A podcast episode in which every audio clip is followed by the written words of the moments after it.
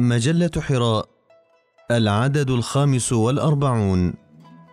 الموازين بقلم الأستاذ فتح الله جلن.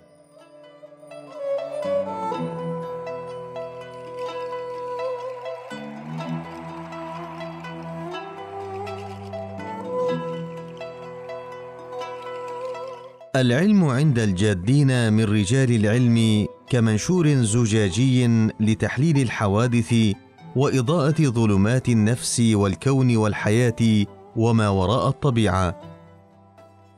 فقيمة هؤلاء الرجال بقيمة سموهم في هذه الأجواء.